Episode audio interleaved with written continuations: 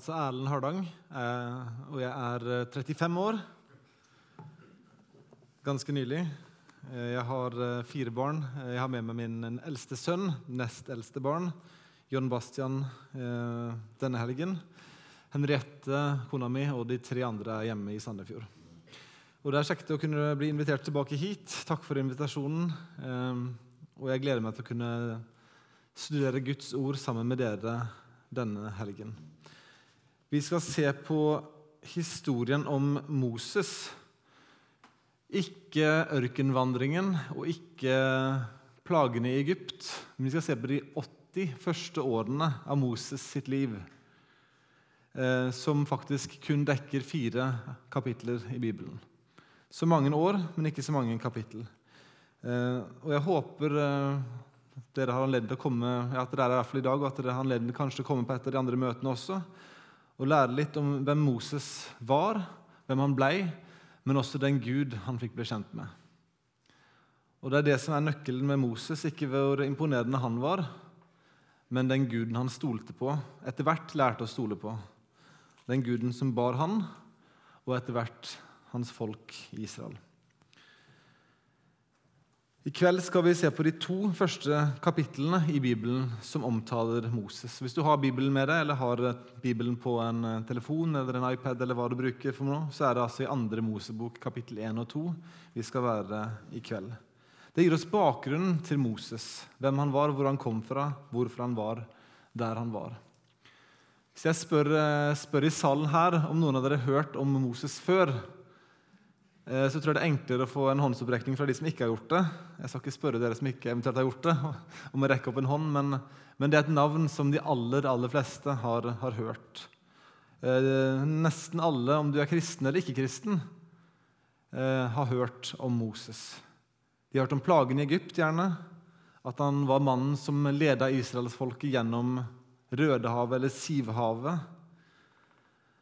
At han er forfatteren av Bibelens fem første bøker, som faktisk utgjør 20% cirka, av hele Bibelen, skrevet av Moses, også forfatter av en salme. Det Moses skrev, ble også hyppig sitert av de andre profetene. Og apostlene og Jesus selv siterte Moses ofte. Og Det er kanskje ingen menneskelig skikkelse i Bibelen forutenom Jesus sjøl som har vært så betydningsfull for den kristne tro, kan vi si, som Moses. Og Før vi begynner å lære om Moses sin bakgrunn og hvor han kom fra, så skal vi lese noen vers om hva Gud sier om Moses. For det er ganske interessant. Hvis du slår opp i 4. Mosebok kapittel 12, så skal vi høre noen ord om hvordan Gud forsvarer Moses. Moses hadde to søsken, Miriam og Aron. Eh, jeg antar at mange av dere har søsken også, med, med de utfordringer og gleder det medfører. Moses hadde to søsken, eh, og de likte ikke at Moses hadde gifta seg med en etiopisk kvinne. Og Så begynte de å baktale han. 4. Mosebok 12. Så sier de noe sånt som at det er ikke bare Moses som er på en måte viktig. Det er ikke bare Moses som Gud har snakka til. Han snakker jo til oss også. Han har gjort noe vi ikke liker, så de talte nedlatende om han. Så fikk Moses høre hva de sa, men han forsvarte ikke seg sjøl. Men Gud hørte hva disse søsknene sa om han. Og I 4. Mosebok 12 så får vi et avsnitt, en av de få avsnittene i Bibelen hvor Gud sjøl går ned og har en forsvarstale for en av sine etterfølgere. Les først med meg vers 3. Der står det om Moses. Men Moses var en meget saktmodig mann, mer enn alle mennesker på jorden. Saktmodig det er vel et ord vi ikke bruker så veldig ofte. Ydmyk, tålmodig, evner å tåle urimelighet over lang tid, noe han lærte i ørkenen med et urimelig folkeslag som han var leder for. Og så skal vi lese hva Gud selv sa til Miriam og Aron for å irettesette dem for hvordan de hadde talt til Moses. Det står Da kom Herren i en skystøtte og sto i inngangen til teltet. Og han kalte på Aron og Miriam. Det er nesten så to barn skal få kjeft. Og de måtte komme. Og de gikk ut, begge to. Og han sa, Det er altså Gud som taler direkte til Miriam Aron. Hør nå hva jeg har å si dere. Når det gjelder en profet som dere De var også profeter, hadde en profetisk gjerning. Så gir jeg Herren meg til kjenne for ham i syner og taler med ham i drømmer. Men slik er det ikke med min tjener Moses. Han er tro i hele mitt hus. Munn til munn taler jeg med ham, klart og ikke i gåter. Og han skuer Herrens skikkelse. Hvordan kunne dere da våge å tale ille om Moses, min tjener? Og Herrens vrede var opptent mot dem, og han gikk bort. Det er en ganske unik fortelling i bibelsk sammenheng. To søsken som baktaler en person, og så får de kjeft av Gud. De blir kalt inn på teppet og adressert. Moses er ikke som andre profeter. Jeg snakker med han munn til munn, klart og ikke i gåter. Og han skuer Herrens skikkelse.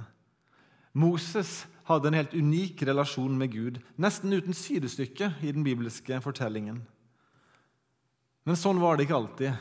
Så hvordan hendte det at Moses fikk denne relasjonen til Gud? Og hva kan vi lære av den livsreisen som Moses var gjennom, som gjorde at han endte opp i et så varmt og intimt gudsforhold som han hadde? Og Det er det som vi skal se på i disse tre møtene som jeg skal være sammen med dere. Bakgrunnen for hvordan Moses kom inn i den relasjonen han kom inn i med den allmektige Gud, den sanne Gud som lever også i dag. Så la oss be før vi begynner å se på teksten vi skal se på. Gode himmelske Far, vi takker deg for at ditt ord er levende og virksomt, skarpere enn noe tvega sverd. At det er levende, at det nå ved Den hellige ånd kan virke i våre hjerter, så vi kan bli fornya i vår tro, at vi kan bli utfordra, at vi kan vokse i helliggjørelse, vokse i kjærlighet til hverandre vokse i kjærlighet til deg. At vi kan lære mer om hvem du er, og hvem vi er. Og Nå ber jeg, kjære far, om at du må gjeste oss med Den hellige ånd og virke i forskyllelsen av ditt ord. At du må røre ved hjertene våre, at du må peke på ting i våre liv. At du må hjelpe oss til å se mer om hvem vi er, og, og se mer av deg, kjære far. Vær med hver enkelt som er her. Velsign stunden videre for oss i Jesu navn. Amen. Når vi kommer til andre Mosebok, så skal vi ta ett steg tilbake først og se hvor er det vi er i den bibelske fortellingen. Før vi ser på Moses sin egen barndom, hvor er det vi er hen når vi kommer til andre Mosebok? Historien om Moses begynner i et ganske mørkt kapittel kan en si, i Israels historie. Jakob og hans ett hadde ca. 400 år tidligere reist til Egypt i forbindelse med en sterk hungersnød i landet Israel. Hungersnøden var ikke bare i Israel, den var også i, global, i hvert fall global rundt Israel. Det var hungersnød i Egypt og hungersnød i mange andre land. Men i Egypt hadde de mat fordi Gud hadde sendt eh, via veldig usannsynlige omstendigheter Josef i forveien. Så Jakob og hans ett hadde nesten 400 år tidligere reist til Egypt altså i forbindelse med denne hungersnøden. Men enda før det så hadde Gud fortalt Abraham at hans ett skulle reise til Egypt og være der 400 år, og etter hvert skulle de bli slaver. Der hadde Gud sagt til Abraham allerede da han inngikk det vi kaller Abrahamspakten med han i 1. Mosebok kapittel 15. Så det at israelsfolket endte opp i Egypt, var ikke en overraskelse for noen, egentlig, hvis de hadde fulgt med hva som Gud hadde sagt til Abraham. Det var en del av Guds plan for folket. Men omstendighetene til hvorfor de skulle reise, det var ikke tydelig. Men det er det altså siste del av første Mosebok handler om. Hvordan Josef ble forrådt av sine brødre, hvordan han ender opp i Egypt og blir eh, statsminister eller nestkommanderende etter farao i landet. Og Så blir han leder der og, og, styrer i landet under hungersnøden som varte i sju år. De hadde fylt opp kornlagrene, og de begynte å selge ut til de som trengte mat. Og Egypt får gjennom sin behandling av Josef, for han blir etter hvert godt behandla, så får Egypt gjennom sin behandling av Josef oppleve at Abrahamspakten fungerer. Hvis du husker Abrahamspakten, da begynner vi i 1. Mosebok 12, så sier Gud til Abraham, 'Jeg vil velsigne den som velsigner deg'. Egypts land ble rikt velsigna i den tid hvor Josef og hans familie ble godt behandla. Og en kan si at under Josefs lederskap så ble Egypt den dominerende verdensmakten. Farao sin posisjon som en av verdens mektigste menn ble forsterka. Alle kom til han for å kjøpe korn, og de var først villige til å betale med pengene sine, og så var de villige til å gi landet sitt og alt de hadde av dyr og fe, slik at faraos rikdom kunne bli større enn noen gang før. Så lenge de fikk mat, var de villige til å gi fra seg alt. Og så lenge farao og Egypt velsigna Josef og hans ett, så mottok de selv velsignelse. Og Så skjedde det da at Gud også begynte å oppfølge en annen del av Abrahamspakten. Han ville gjøre israelsfolket til et stort folk. Og en kan si at Under tiden i Egypt så gikk Israel fra å være en liten familie på 70 personer til å bli en stor nasjon, et stort folkeslag. En av grunnene var som sagt hungersnøden for at de endte opp i Egypt. Men en annen grunn som er minst like viktig, var at så lenge israelsfolket som en liten familie var i Kanans land, så ble de mye mer påvirka av kananernes ugudelige skikker enn de klarte å bli påvirka av Gud. Og Det handler jo også første Mosebok om, hvor den ene broren etter den andre gjør dumme ting, feiler og blir mer og mer lik kananeerne. Så Gud må ta de ut og plassere de i Egypt for å beskytte de mot den ondskapen som påvirka de, og beskytte de også mot hungersnøden som var der. Så I løpet av 400 år i Egypt så går israelfolket fra å være en liten gruppe, 70 personer, til å bli mange hundre tusen, ja, kanskje noen millioner. En stor gruppe, et stort folkeslag. Gud var trofast mot sitt løfte. Og Så står det i 2. Mosebok kapittel 1,7.: Men Israels barn var fruktbare og tiltok sterkt, og de økte og ble meget tallrike, og det ble fullt av dem i landet. Så kom det en ny konge, en ny farao i Egypt. En som ikke kjente til historien med israelsfolket, en som ikke hadde en spesiell kjærlighet for Josefs ett. En som ikke lenger respekterte det faktum at Gud faktisk hadde velsigna dem pga. Josef. Og Den nye kongen så israelsfolket som en stor trussel, som bare vokste seg større og større fordi de fikk så mange barn. Og Han prøver å underkue dem. Han gjør dem til slaver, og han begynner å plage dem for å holde dem nede. Men det virker som at dess mer farao plaget folket til Gud, dess sterkere ble de. Det hadde helt motsatt effekt. Og Til slutt så iverksatte han det vi kan kalle en demonisk plan. Han ville drepe alle guttebarn som ble født. Det ville selvfølgelig redusere deres evne til å kjempe mot egypterne i den neste generasjonen. Det ville gjøre israelsfolket mindre farlig som en fiende. Det ville holde de som slaver og tjenere i landet. Men heldigvis var det ennå litt sunn fornuft igjen hos noen egyptere. Og Det står i 2. Mosebok 1,17 at jordmødrene frykta Gud. Og de gjorde ikke som kongen i Egypt bør dem, men lot guttebarna leve. Og Gud velsigna dem for det.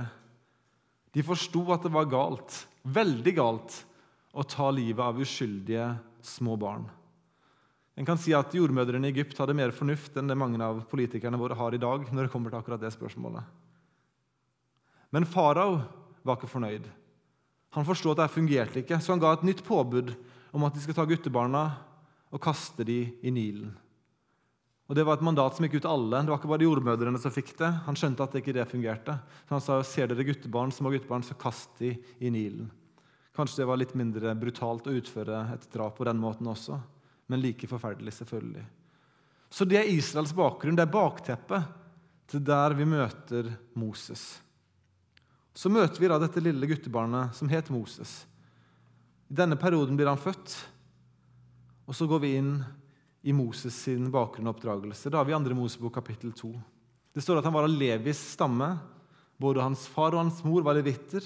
Hans mor fødte han, holdt han skjult, skjult i tre måneder, men etter hvert så begynte det å bli vanskelig.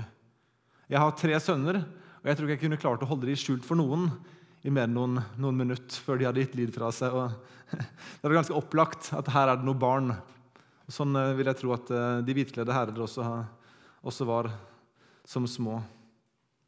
De klarer ikke å holde han skjult lenger. De klarte det ganske lenge, men de skjønte at det går ikke lenger. Vi kommer til å bli avslørt, og da er livet hans i fare. Så lager de en plan om å lage en liten ark. Det er samme ordet som blir brukt for å beskrive den kisten de la Moses i, som beskriver den kisten som, som Noah, eller den, den, arken som Noah bygde, og som ble redningen for, for, for, for verdensbefolkningen gjennom Noahs sønner og, eh, og svigerdøtre og, og dydene. Det er en miniark som Moses sine foreldre nå lager. Og De lager denne miniarken ikke for å redde den menneskelige sivilisasjonen, men for å redde et lite guttebarn fra faraos ondskap. Så de legger han en kiste som fløt, laget av papyrusrør, bunnsmørt. Eh, dere som er, er sjøfolk, vet godt hva, hva, som trengs for å få noe til å flyte. Så det ikke skulle lekke. Og så legger de denne lille gutten ned i denne flytende krybben. Det er ganske brutalt. Jeg vet ikke hvor lenge det er siden du så en tre måneder gammel gutt. De er ganske små og hjelpeløse. Sønnen vår er tre år. Jeg synes han er, han, er min, han er vår baby ennå, men han er jo betydelig større da, og betydelig mer i stand til å ta vare på seg sjøl enn en tre måneder gammel gutt er. Helt hjelpeløs, helt uten evne og stand til å kunne gjøre noe annet enn å, enn å skrike når, han er sulten eller trøtt. eller noe sånt. De legger denne lille gutten ned i en flytende krybbe. Og hva planen deres var, det er ikke 100 sikkert. Men det virker som om at de hadde en plan om at noen skulle finne babyen, se babyen og ha sympati med den. Og kanskje ta den til seg.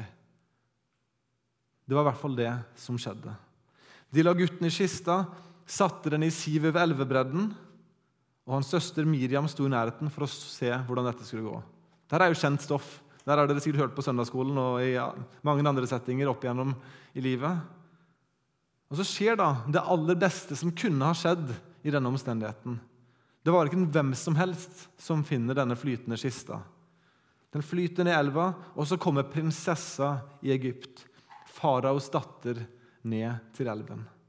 Og Så ser de kista. De henter den til seg, altså tjenerinnen hennes. og Så åpner de lokket, og så ser de ned på en liten, vakker gutt som ligger og gråter. Heldigvis fantes det fremdeles medfølelse i faraos familie, til tross for at farao selv mangla det. Sånn tror jeg det har vært i alle generasjoner at uansett hva folk politisk skulle mene om, om det ufødte barn, så er det slik at når en faktisk ser det med sine egne øyne, så er det veldig vanskelig å ikke ha annet enn medynk og medfølelse og erkjenne at det er et verdifullt liv en ser på. Om en ser det fra et ultralydbilde eller et prematurt barn som blir født for tidlig, eller et nyfødt barn. Det vekker noe i oss, en medfølelse. Dette er et menneske skapt i Guds bilde. Det er verdifullt. De aller, aller fleste, uansett hvor de står politisk, klarer ikke å underkue den følelsen når de ser livet utfolde seg, også i det tidlige stadiet. Og Faraos døtter var ikke så kald som hennes far.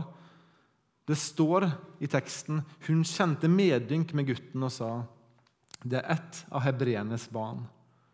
Og Oppgaven hennes da hadde vært å pælme denne gutten på sjøen. Men hun hadde medynk med han og tok han til seg. Så oppdaga hun ganske fort at denne gutten fortsatte å skrike. Og Da er det jo kun én ting som hjelper. Da er, det, da er det melk fra mor. Så de fikk hans biologiske mor, Jokebed, til å fostre han opp. Men etter hvert når han ble avvent, så flytta han inn hos faraos datter. Og så ble Moses da som en sønn for prinsessa.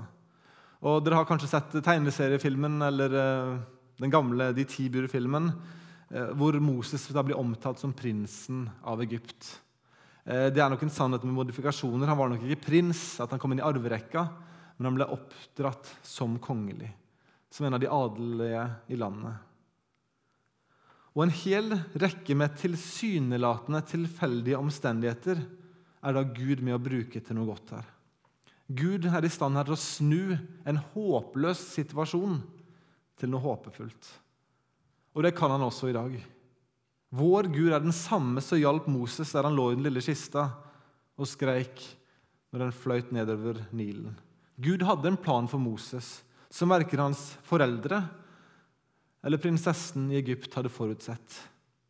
Så slik kom altså Moses inn i denne verden, endte opp på faraos slott imot alle odds.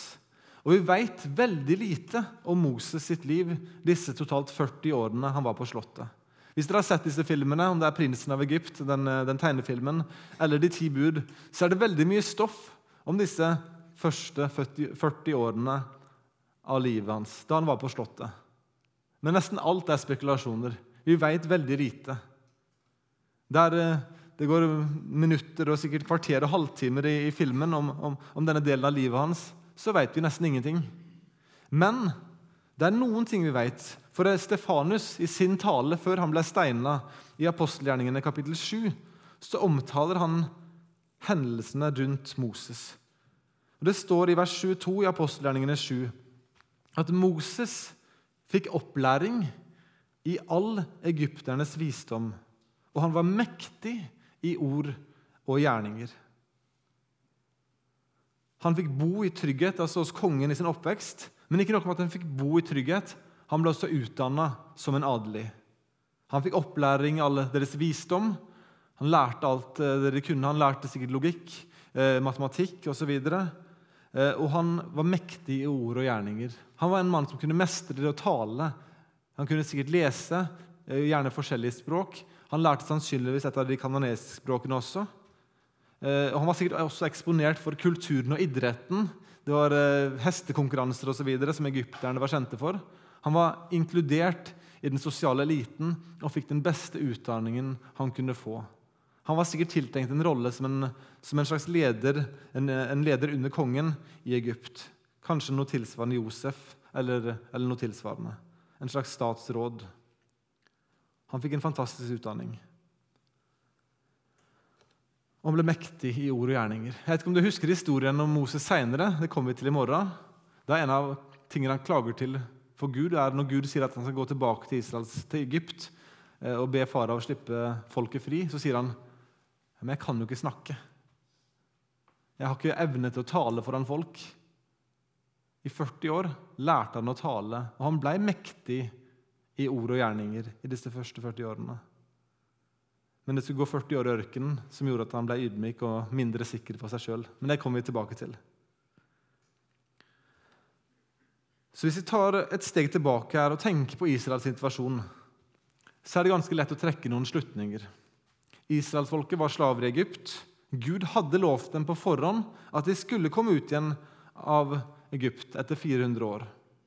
Og så har Gud nå latt en israelitt overleve barnedrapene til farao. Og ikke nok med at han fikk overleve, han fikk også lov å vokse opp på slottet og få den beste utdanning og ledertrening en kan tenke seg.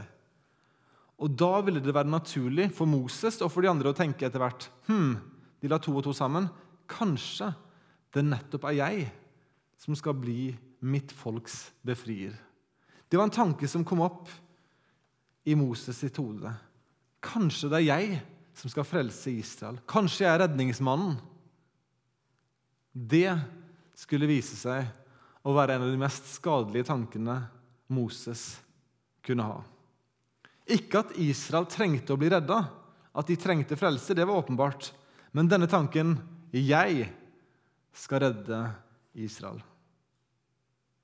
Vi skal snart se hvordan det utspilte seg, men jeg tror også det er faren for oss i våre liv når vi begynner å tenke 'jeg skal fikse det', uten å spørre Gud til råds. Uten å erkjenne at uten Gud så klarer vi ingenting. Når jeg skal fikse det, går det ofte galt. Men når jeg ber Gud om å fikse det, da er det håp. Og det skulle Moses virkelig lære den harde veien. Og det er noe mange av dere har lært den harde veien, og det er noe mange av dere kommer til å lære den harde veien. Når en ikke stoler på Gud og går i egen kraft, så er det ikke lang tid før en gjør store feil i egne liv. Og Det som ofte skjer, er at en kommer i en krise, eller noe galt skjer, og så kommer vi omsider tenker på kanskje jeg må be Gud om hjelp. Og Istedenfor å gjøre det med en gang, så gjør en det når det er som verst. Gud er klar til å hjelpe til enhver tid, men ofte så ser vi ikke hvor hjelpeløse vi er i oss sjøl før det går skikkelig galt. Og Det var det som skjedde med Moses. Vi vet ikke hvor lenge han hadde hatt tanken i hodet 'Jeg skal frelse Israel'. Men tanken hadde modna seg, og når han ble 40 år, så tenkte han nå er tiden inne.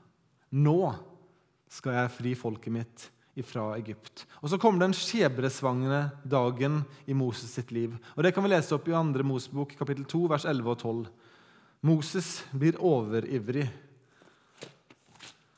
Da står det På den tid da Moses var blitt voksen, gikk han ut til sine brødre og han så deres slit og slep. Han fikk da se en egypter som slo en hebraisk mann, en av hans brødre.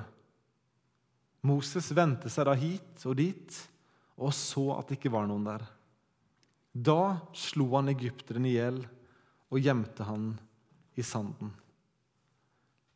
Moses har en plan. Han ser en egypter som gjør urett mot en av hans landsmenn. Så tenker han nå dreper jeg han. Så gjemmer jeg han i sanden. Og så tenkte han nå har jeg bevist at jeg er lojal mot israelsfolket. Nå har jeg bevist at jeg er en av dem, at jeg er en frelser for dem, eller som kan være villig til å bryte lojaliteten, mot, lojaliteten min mot egypterne. Nå vil vel israelsfolket forstå at tiden er kommet for utfrielse. Det var nok de tanker Moses gikk og bar på. Og da er det igjen interessant å lese hva Stefanus skriver om akkurat dette. I, i Apostelgjerningene 7 kan lese fra vers 23 til 25. Da står det da han hadde fylt 40 år, fikk han i sinne å se til sine brødre, Israels barn. Og da han så en som led urett, hjalp han han. Han hevnet den som ble mishandlet, og slo egypteren i hjel. Hør nå.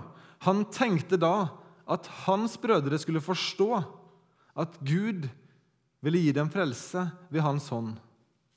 Men de forsto det ikke. Moses trodde folket ville forstå. Gud har utvalgt meg som redningsmann. Men Moses hadde feilkalkulert. Det er veldig vanskelig å vite om Gud hadde sagt noe til Moses om dette her på denne tiden, eller om han kun hadde tenkt det sjøl. Eh, Gud skulle jo bruke Moses som redningsmann etter hvert. Men tidspunktet og måten det skjedde på, var ikke Guds måte. Det var ikke Guds timeplan, og det var ikke Guds måte. Moses gikk i egen kraft. Og Det som kunne vise seg som en, det som så ut som en god strategisk vurdering, viste seg å bli en stor feil. Og Det som beviste at det var en feil, var at ingen av israelsfolket trodde på han. Det står videre i 2. Mosebok 12, 13 og 14. Neste dag gikk han ut igjen. Han så da to hebraiske mann, menn som holdt på å slåss. Og Da sa han til han som hadde urett, 'Hvorfor slår du din landsmenn?' Mannen svarte, 'Hvem har satt deg til høvding og dommer over oss?' 'Tenker du å slå meg i hjel, slik som du slo egypteren i hjel?' Da ble Moses redd og sa, 'Sannelig, saken er blitt kjent.' Moses tenkte at nå forstår alle at jeg er lederen. Jeg skal befri dem. Men folket hadde ikke tillit til ham. Hvem har satt deg til høvding og dommer over oss? Hvem er det du tror du er? Tenker du å slå meg i hjel, slik som du slo egypteren i hjel? Oi, beklager. Tenker du å slå meg i hjel, slik som du slo egypteren i hjel? De hadde ikke tillit til han, og de var ikke veldig imponert over at han hadde drept en egypter for en israelitt sin skyld. Og Istedenfor å få en glidende overgang fra å være prinsen i Egypt til å bli lederen av Israel, så skjønner Moses nå at israelsfolket ikke ønsker han som leder og han hadde samtidig mista sine privilegier som prins av Egypt. Han hadde drept en egypter, og farav ville tolke det her som et kuppforsøk. Han ville tenke det samme som Moses tenkte. Dette gjør han for å oppildne motstandsbevegelsen blant jødene. Dette gjør han for å starte et opprør. Og Så står det at Moses ble redd, og han skulle få en frykt på innsida som, skulle han bære med seg, som han bærte med seg i 40 år i Midians land. Og han frykta med god grunn. Så skifter scenen i historien fra en overivrig og ambisiøs Moses til en redd Moses som flykter i eksil. For det står i vers 15.: Da farao hørte det, prøvde han å få drept Moses. Og Det er jo slik med sånne totalitære ledere som vi har en del av i verden i dag. Med en gang de opp senser at det er noen opprør eller noen andre meninger eller andre trusler, så prøver de å drepe dem. Det er dessverre litt for mange av de som, som styrer eh, i viktige nasjoner i, i, i verden i dag. En slags velbegrunna paranoia som slår inn, og det minste tegn til illojalitet eller opprør blir besvart med den ultimate straff. Farao prøvde å få Moses drept, og Moses rømmer til ørkenen. Prøv å forestille deg den realitetsorienteringen som Moses nå må gjøre.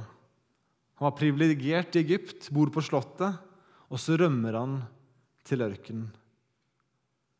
Han går fra å være en slags leder i landet og trodde han nå skulle bli konge for israelsfolket. Og han trodde Gud var med han på denne planen. Og når han skal iverksette planen, så går det som det galt som det kan gå. Bare i løpet av et par dager går han fra å bo på et slott til å leve på rømmen i ødemarken. Livet hans snudd opp ned. Planen hans feilet. Han hadde ikke spurt Gud. Han fulgte sin egen plan, ikke Guds plan. Dette var en lekse som Moses etter hvert skulle lære, i hvert fall for det meste. Men en, lære, en lekse som israelsfolket egentlig aldri lærte skikkelig. De ville gjøre som de selv ville. Deres veier og deres planer var bedre enn Guds planer. Så kan jeg spørre, da, hvordan er det med deg? Hvis du tenker gjennom de livsvalg og beslutninger du tar og har tatt, spør du Gud om hjelp, rettledning og visdom? Ber du Han åpne og stenge dører? Er du villig til å la dine egne planer gå dersom Gud ikke bekrefter det du har planlagt, gjennom visdom fra Bibelen eller visdom fra andre troende, omstendigheter osv.? Er du villig til å erkjenne at Guds plan og Guds vei er bedre enn dine veier? Og at du kanskje må legge ned en av dine bedre planer som du selv har kommet på, fordi Gud har en enda bedre plan. Noen av dere her er ganske unge, har planer for livet. Dere har sett dere for å sette ut dere en vei, kanskje. Mye pågangsmot. Noen av dere føler dere kanskje ganske udødelige. Lenge igjen å leve. Verden er for deres føtter, osv. Verden lå også for Moses sine føtter. Han var 40 år, moden alder, klar til å utføre sin gjerning. Men han glemte å spørre Gud. Og han måtte betale for det ved å tilbringe 40 år i et fremmed land. Sånn kan det gå for deg òg, om du holder Gud utenfor dine valg. Dårlige valg du tar i dag, kan skape problemer for deg i lang tid fremover. Du må kanskje leve med konsekvensene av de dårlige valgene du tar i år, tiår fremover. Vi kunne hatt et interessant hatt et vitnemøte her og, hørt, eh, bedt noen av de eldre å fortelle om de dårlige valg de tok da de var unge, som de ennå kanskje lever og høster fruktene av i dag. Ja, Gud har tilgitt dere, selvfølgelig, men det er fremdeles praktiske konsekvenser for de valg en tar. De gode nyhetene fra Moses sitt liv er at Gud, tross Moses sin stolthet og egenrådighet, faktisk ville bruke ham. Gud var nådig og skulle bruke Moses, men Moses trengte å lære en lekse. En lang lekse i 40 år. Og Gud er nådig med deg også når du tar dårlige valg, når du tar beslutninger som påvirker både deg og de andre rundt deg. Han er nådig mot deg når du kommer til han og erkjenner hvor det har gått galt, og at du trenger hans hjelp. Men hør her, alle sammen. Livet ditt kan bli en del enklere om du spør Gud først. Hør nå, ikke ta viktige livsbeslutninger uten at du først snakker med Gud. Legg alle ting fram for Han i bønn. Vær forberedt på at Gud sier nei.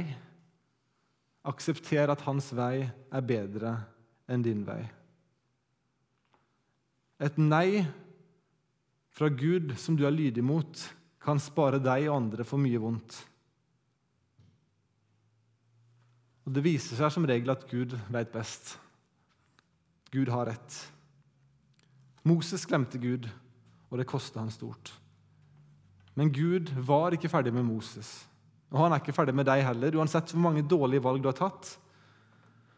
Men vi må komme til han i erkjennelse og at vi er avhengig av han. Han veit best. Han har kontroll. En av de teologilærerne jeg hadde i USA, da jeg studerte der, sa det på følgende måte. Verden måler styrke gjennom posisjoner, eiendeler, hva en produserer, og hva slags folk en er med å styre. Vi troende vi måler styrke i hvor avhengig vi erkjenner at vi er av Gud. Hør nå, Den sterkeste i Guds rike er den som erkjenner at han er mest avhengig av Guds nåde og kraft i sitt liv.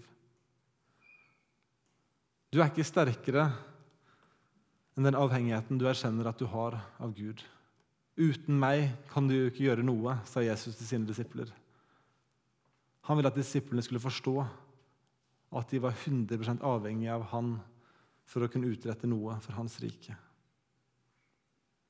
Moses skulle lære å bli avhengig av Gud. Han skulle brukt en stor gjerning, men først måtte han lære ydmykhetens lekse i 40 år i ørkenen. Først 40 år i Egypt for å få utdanning, bli opplært, bli utrusta som leder. Og så 40 år til. Det gjelder to av utdanningen hans. 40 år i ørkenen for å lære ydmykhet. Den viktigste utdanningen han lærte. Og noen av oss er så sta at Herren må bruke tiår på å knekke oss før han får oss som han vil. Moses trengte 40 år i ørkenen, for han lærte hardt arbeid, ydmykhet, enkel tjeneste. Så Moses frykter altså, og vi skal snart avslutte Han flykter ut i ørkenen, treffer presten Midian. Han hadde sju døtre. Og Han kommer og hjelper dem og jager vekk noen, noen som drev dem bort, noen gjetere som ikke ville dem vel. Og Så kommer han hjem og får eh, gifte seg med en av Jetros sine syv døtre, Sippora. Og så bodde han der som en fremmed i Midians land i 40 år. Og Det står i, i vers 22 at han fikk en sønn som han kalte Gersom, og han sa, 'Jeg er blitt en gjest i et fremmed land'. Sånn gikk det med Moses da han ikke konsulterte Gud, da han gikk i egen kraft. Men Gud var ikke ferdig med Moses, og han var heller ikke ferdig med det folket som han hadde i Israel. For det står i vers 23 at da lang tid var gått, så døde kongen i Egypt. Og Israels barn sukket over sin trelldom og klaget, og deres rop over trelldommen steg opp til Gud. Og Gud hørte deres sukk. Og Gud kom i hu sin pakt med Abraham, Isak og Jakob. Og Gud så til Israels barn, og Gud kjentes ved dem. Eller bare at du skal avslutningsvis merke deg en ganske sterk kontrast. I vers 11 av 2. Mosebok 2 så står det at da Moses var blitt voksen, gikk han ut til sine brødre, og han så deres slit og slep. Og han så den egypter som slo en hebraisk mann, en av hans brødre. Så Først lærer vi om Moses, at han er ute, og så ser han sitt folk lide. Og Så prøver han å gjøre noe med det, og så går det gærent. Kontrasten er stor når vi tenker på hva Gud gjør. Gud så til Israels barn, og Gud kjentes ved dem. Og det skulle få et helt annet utfall enn når Moses selv så uten å snakke med Gud. De så kanskje det samme, men der Moses i seg selv var hjelpeløs til å frelse, så hadde Gud ikke bare en plan, men Gud var allmektig og evna å frelse sitt folk. Sånn er det med oss òg. Vi evner ingenting i oss sjøl. Vi kan ikke frelse noen. Du kan ikke frelse deg sjøl. Men hvis Gud ser til deg i din nød, så er det håp. Om du ber Gud gripe inn der du har en vanskelig situasjon, så er det håp. Han kan komme med frelse. Han kan komme med hjelp og redning. Og Det er på en måte essensen fra Moses sine første 80 år, to tredjedeler av livet, er en stor lærdom til oss om at vi må gå til Gud først og søke hjelp fra Han først, før vi går i egen kraft. Vi må snakke med Gud og be til Han ofte. Be Han gripe inn. Be Han om å frelse vår ufrelste familie eller venner. Be Han gjøre et verk i bygda på Karmøy ja, Du vil snart si at det vil medføre at Gud kommer til å bruke deg også i prosessen, som han også ville bruke Moses. Men da går han i Guds kraft, i Guds ferdiglagte gjerninger. Gjerninger som er dømt til å lykkes, for det er Gud som har satt det i stand. Og Måtte Gud hjelpe oss til å se hvor hjelpeløse vi er i oss sjøl, og at vi trenger Han. Ikke vær stolt, ikke vær egenrådig, ikke vær likegyldig. Vær desperat og rop ut dine bønner til Gud. Han hører, han ser, og han makter å gjøre noe med din håpløse situasjon, hva enn den måtte være. Legg alle dine veier i Herrens hånd, Vær villig til å lytte til hans røst, så vil det gå deg vel. La oss be sammen. Gode himmelske Far. Vi takker deg for, eh, for, de eksempler du har for oss i Bibelen. Vi takker deg for Moses' eksempel. Han som ble en mann som, eh, som var deg nær på det relasjonelle plan. Han, han du talte med ansikt til ansikt. Han måtte lære å stole på deg på den harde måten. Det gikk lang tid før han satte sin tillit til deg fullt og helt, før han erkjente sin avhengighet av deg. Og kjære far, du ser eh, alle oss som er her i dag. Du ser at vi i større og mindre grad erkjenner at vi trenger deg i alle ting, kjære far. Og Jeg ber om at du må hjelpe oss til å søke deg og legge alle ting framfor deg. Alle avgjørelser vi skal ta, alle beslutninger, at vi inkluderer deg, søker deg om råd. Hjelp oss til ikke være egenrådige, hjelp oss til ikke være sta i våre egne veier.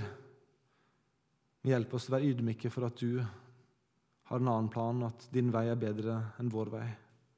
Hjelp oss å søke hverandre, søke hjelp fra ditt ord, søke hjelp fra andre troende. Styr du vår vei og vår tanke. Og Vi ber om at det må skje store gjerninger og store ting også her, her på bedehuset her i bygda.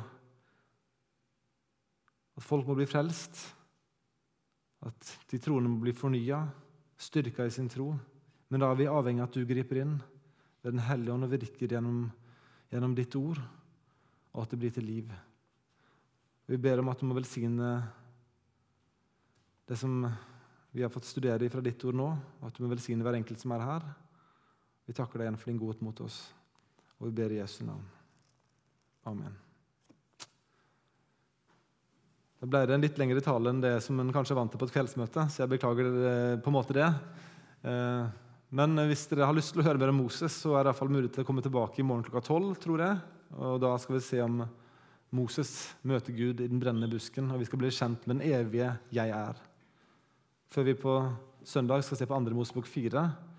Og da skal vi lære at ingen av oss har noen unnskyldninger som er gode nok når det kommer til å tjene Herren. At Han evner å bruke hver enkelt av oss, uansett hvor ubrukelige vi måtte føle oss.